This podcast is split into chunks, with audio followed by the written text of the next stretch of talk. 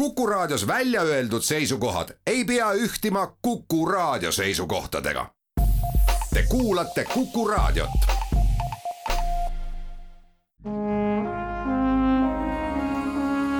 Vanemuise veerand. tere kõigile teile, head Kuku Raadio kuulajad, tere külalisele. täna on saates külas ooperilavastaja Liis Kolle, tervist! tere, aitäh kutsumast! mina olen saatejuht Tiiu Rööp. üheksateistkümnendal augustil esietendus Sadama teatris nüüdisooper Tõnis Kaumani Kaubamaja. sellest me täna rääkima hakkamegi, aga mul on üks suurem, laiem küsimus. Ning see hõlmab laiemat publikut kui meie kodune Eesti publik. Ja küsin ma seda mõeldes selle peale, et saatekülaline pole pelgalt ooperilavastaja, vaid ta on suurte kogemustega muusika- ja teatriajakirjanik, ta on töötanud ka teatriturundajana ja seda mitte Eestis, vaid Saksamaal, on õpetanud ülikoolis nii Saksamaal kui Eestis, kes on ka teatridramaturg, eks ole, Konstantsis olnud. selline pikk tutvustus veel juurde saatekülalisele. küsimus tuleb ka viimaks. miks suhtuvad inimesed teatava ettevaatlikkusega nüüdismuusikasse, sealhulgas ka ooperisse? no ma loodan, et lugupeetud Kuku raadio kuulaja nüüd ei arva, et pärast seda väga suurejoonelist tutvustust istub siin keegi, kes kuulutab tõde et ma ikkagi räägin seda üsna enda seisukohast ja kindlasti, kui siin istuks äh, tõsine nüüdismuusika süvauurija, oleks vastus teistsugune ja ma usun, et ka heliloojad vaatavad sellele hoopis teistmoodi, sest nemad ju tegelikult on selle traditsiooni kandjad. et äh, nüüdisheliloojad ju võivad rääkida ka Mozartist ja miks mitte Mart Saarest kui oma kolleegidest. miks see niimoodi on? Kui ma püüan nüüd lühidalt teha, siis äh, kindlasti on ühelt poolt küsimus harjumuses, sest äh, nii kummaline, kui see ka on, nii-öelda see normaalne muusika, ütleme siis, kui me räägime nii-öelda siis sellest klassikalisest või, või tõsisest äh, muusikast, ühesõnaga muusikast, mis ei ole popmuusika ega, ega rahvamuusika, siis äh, normaalne on mängida ja kuulata vana muusikat. ja kui on tegemist nüüdismuusikaga, siis see tuuakse kuidagi eraldi välja, et nüüd on nüüdis, mis on iseenesest päris kummaline aga kui me, võib-olla kõige lihtsam jah, tõmmata paralleele teiste kunstiliikidega, siis ähm, näiteks kujutava kunstiga võib olla sama lugu, et äh, selliseid vanu nii-öelda ilusaid pilte, kus on äratuntav, mida või keda seal kujutatud on, armastatakse kuidagi rohkem ja nüüdiskunst võib olla mõnikord äh, vaataja suhtes väga nõudlik, väga provotseeriv ja paljud inimesed ütlevad, et nad ei saa sellest aru. Ja no muusikaajaloost äh, me teame, et need äh, nii-öelda suured uuendajad, ka Mozart, eriti Beethoven, nad ju võisid ka mõjuda oma ajas väga šokeerivalt, lihtsalt praegu me ei šokeeru selle peale, et äh, kui näiteks kas või Tõnis Kaumani ooperit Kaubamaja mängitakse saja aasta pärast siis ähm, noh, ütleme, Tõnise ooper ei ole võib-olla kõige parem näide, sest nagu ta ise ka ütleb ja nagu see tõesti on, on tegemist nii-öelda publikusõbraliku nüüdismuusikaga, aga kui me ütleme näiteks noh, võib-olla sellise natuke keerulisema muusika nagu näiteks kas Erkis Vendüür või Helena Tulve, et võib-olla saja aasta pärast, ähm, kui see on juba vana muusika, võtavad inimesed seda hoopis teistmoodi vastu ja teine aspekt on ka see, et ähm, need teosed, mis on nagu sellele ajaproovile vastu pidanud ja sajandite tagant äh, meieni jõudnud, on tavaliselt siiski äh, midagi väga väljapaistvat ja, ja sellesama Mozarti kaasaegsed äh, heliloojad, kellest paljud tänaseks on täiesti unustatud või on nimed teada ja aga ei ole teoseid säilinud, või isegi kui neid on säilinud ja mõnikord ka nagu tehakse neid nii-öelda väljakaevamisi, siis äh, noh, eriti Saksamaal vahepeal tegi, tuli selline väljakaevamiste laine ja siis ähm, vastukojad ütlesid ka jah, et hästi, et äh, nad on nüüd välja kaevatud, aga nüüd võib nad rahulikult tagasi matta. et väga palju muusikat siiski ongi jäänud sinna omasse aega, nad võisid olla ka väga edukad, aga tänapäeval kuulates jaa, hakkab, hakkab igav. ma ei tea, kas ma vastasin küsimusele olen kindel, et sain vastuse küsimusele. Tõnis Kaumani koomiline ooper Kaubamaja oleks võinud esietenduda juba hea mitu aastat tagasi. miks seda siis ei juhtunud? tagantjärele võib öelda filosoofiliselt, et seda ei juhtunud, sest seda ei pidanudki juhtuma, sest helilooja ise on ka väljendanud oma rõõmu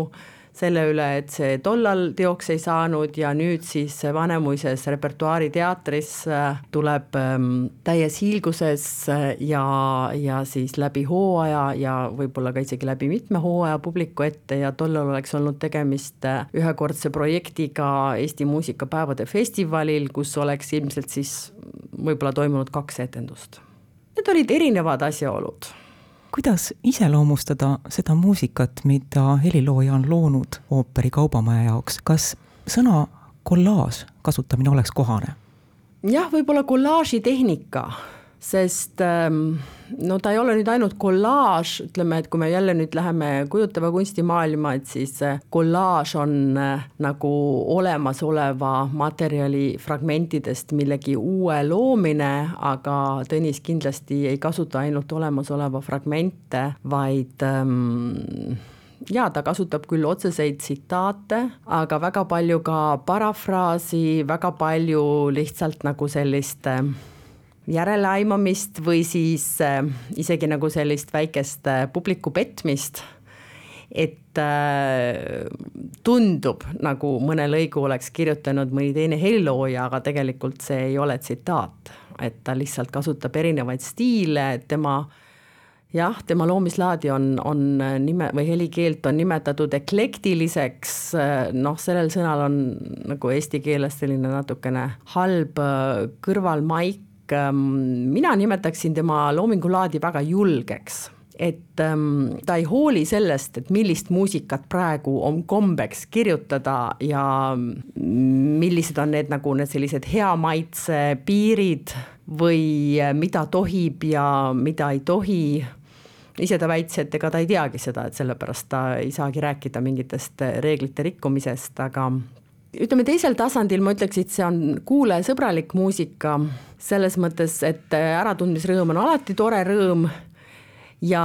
mm, on täiesti olemas äh, need äh, igal pool igatsetud ilusad viisid ja meeldejäävad meloodiad, mida kaasa või koduteel ümiseda. samas äh, orkestratsioon on väga ootamatu see pillide kooslus, mida ma isegi siin ei hakka ka väga täpsemalt avama, jätan iga uue kuulaja enda otsustada või, või avastada. Et see on üsna ootamatu. Ja mm, tegemist ei ole mingil juhul lihtsa muusikaga, et ta võib kõlada lihtsalt ja kergelt ja väga mänguliselt, mida ta ongi, aga tegelikult ähm, see on küllaltki keeruka struktuuriga ja ka mängijatele ikkagi kõigepealt paras pähkel, enne kui ta niimoodi kergelt kõlama hakkab. Vanemuise veerand.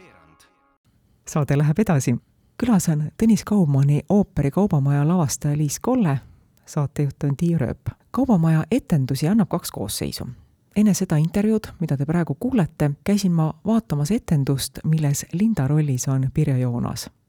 Esietenduse publik silmnähtavalt muheles rõõmus äratundmiskahin oli siis, kui Pirjo Joonas Lindana laulis Marx ja Engelsi kommunistliku partei manifesti ette või kui Taavi Tambu ilmus sotsioloogia tudengina lavale, ka tema tõi naerupahvaku. Raimond Brahmanis kutsus esile vaheaplausi ja Rasmus Kull ilmselgelt nautis seda võimalust, et ta sai Komuskit teha. Muusika on esitajate jaoks ütleme nii, väljakutseid esitav. kas lavastuse väljatoomise ajal oli teil endal ka mahti lustida ja rõõmustada selle materjali üle? no muidugi oli, sest ähm, noh, tänuväärselt ei olegi tegemist nüüd sellise väga üheselt määratletava teosega, et ta ei ole ainult koomiline, me siin mitu korda nimetasime ümber seda žanri, lõpuks me siis leidsime, et ta on tragikoomiline ooper ja võib-olla esietendusel tundus jah, et see koomiline pool tuli rohkem välja, näiteks teisel esietendusel minu meelest rohkem jäid kõlama isegi need traagilised noodid no muidugi sai palju nalja ja ka isegi nagu see kolleegidelt spontaanse aplausi pälvimine ei ole võib-olla ka teatris nüüd päris igapäevane nähtus, sest ega seal on igasugust koomuskit on ju tehtud ja, ja, ja palju nähtud. aga jah, et see ei olnud kindlasti mingi selline lõputu lustipidu, et selleks, et, et nii muusikaliselt kui lavaliselt hakkaks kõik tööle et need väga kiired ja põgusad sisseastumised, mis vahelduvad et see kõik nii-öelda jookseks nagu kellavärk, ähm, et selle taga on ikkagi väga suur töö ja, ja ka just ka muusikajuhi Risto Joosti väga suur äh, nõudlikkus ja kannatlikkus. kes võiks olla kaubamaja publikuks? no see igaühele midagi muidugi kõlab kohutavalt, noh, samas ma väidan, et, et ja nüüd seda veel kahel etendusel ka nagu publiku peal katsetanuna väidan veel kindlamalt, et ähm, see võiks kõnetada väga erinevaid inimesi erinevas vanuses, erineva kogemusega, ka erineva haridustasemega, selles mõttes, et ta on nagu selline heas mõttes madalaläveline ooper, et Äh, on väga palju inimesi, kes käivad hea meelega Sõnateatrit vaatamas, aga, aga ooperisse väga ei kipu, et siis ma arvan, et, et neile oleks see võib-olla selliseks esimeseks tutvuseks või taastutvuseks oleks väga sobiv, et mingis mõttes ta võib-olla ongi nagu rohkem sarnane draamaetendustele, et kui on nagu selline väga selline klassikaline ooperigurmaan, kellel on väga kindel ettekujutus, milline ooper on või peab olema, et siis võib mõjuda irriteerivalt, muidugi noh, ka, ka nendele inimestele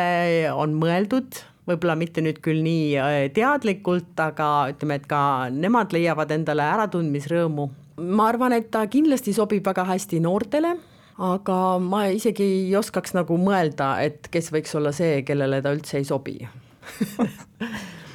see on meie jutust läbi käinud, Kaubamaja mängitakse Sadama teatris. kui Vanemuise muusikajuht ja peadirigent Risto Joost käis Vanemuise veerandis külas, siis, siis ta rõõmustas selle üle, et Vanemuine mängib sellel hooajal ooperit kõigis kolmes majas, väikeses majas, suures majas ja nüüd ka Sadama teatris. kuidas on Sadama teater ooperi lavastamiseks sobilik koht? no mul on tõesti ka olnud võimalus lavastada kõigis kolmes Vanemuise majas ja selles mõttes on ka võrdlus täitsa olemas ja ma arvan, et on väga sobiv just sellise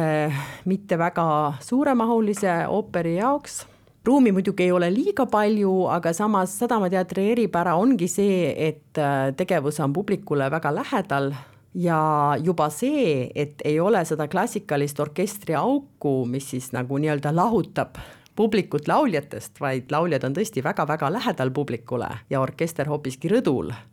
et see tekitab sellise teistmoodi äh, atmosfääri ja isegi teatud elevust, et äh, ma vaatasin ka vahepeal seal, et, et mõned inimesed täitsa hea meelega vaatavad üles orkestri poole, eriti kui seal mõni pill parajasti ennast just väga kuuldavaks tegi soologa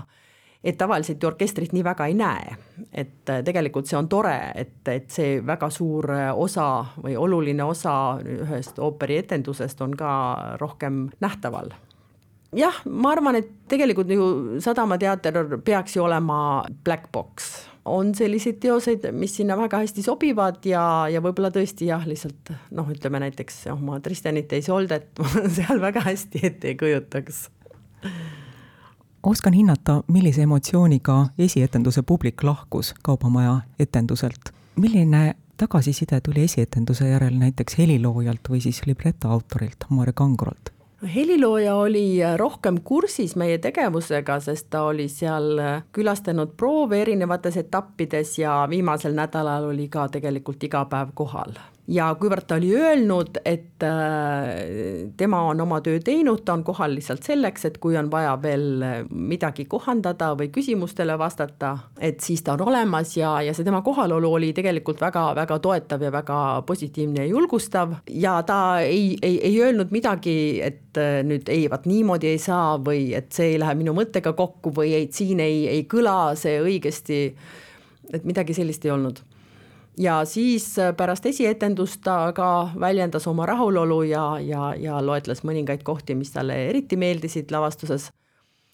libretisti Maarja Kangro reaktsiooni ma nagu ootasin suure põnevusega ja ka väikese hingevärinaga, sest tema oli päris algusjärgus äh, maikuus äh, käinud ühes proovis kus me siis tegelikult põhiliselt palusime, et kas me tohime teha mõningaid äh, tekstikohandusi, mis just siis ähm, puudutasid kõrgeid naishääli, et mõnda häälikut on lihtsalt parem laulda, et siis see natuke ta aitas meil uusi, uusi sõnu seal välja mõelda. ja Maarja reaktsioon oli küll isegi kui ta poleks seal sõnades väljendanud, siis oli näha, kui äh, kui äh, rõõmus ja rahul ta oli ja ka üllatunud, sest ta igal juhul väitis, et ta naeris kogu aeg, et noh, tegelikult on see ju tema lugu, et ta teab väga hästi, mis seal on, aga et ju siis need lavalised tegevused veel siis äh, suutsid teda üllatada või seda oma teksti teises valguses äh, nägema panna. rääkisime lavastaja Liis Kollega Tõnis Kaumani ooperist Kaubamaja lähim võimalus seda lavastust näha on neljateistkümnendal septembril, järgmine etendus toimub teisel oktoobril. etendusi jagub sel aastal ka novembrisse ja detsembrisse. saatejuht Tiia Rööp tänab külalist meeldiva kohtumise eest. aitäh kõigile kuulajatele, jälle kuulmiseni. Vanemuise veerand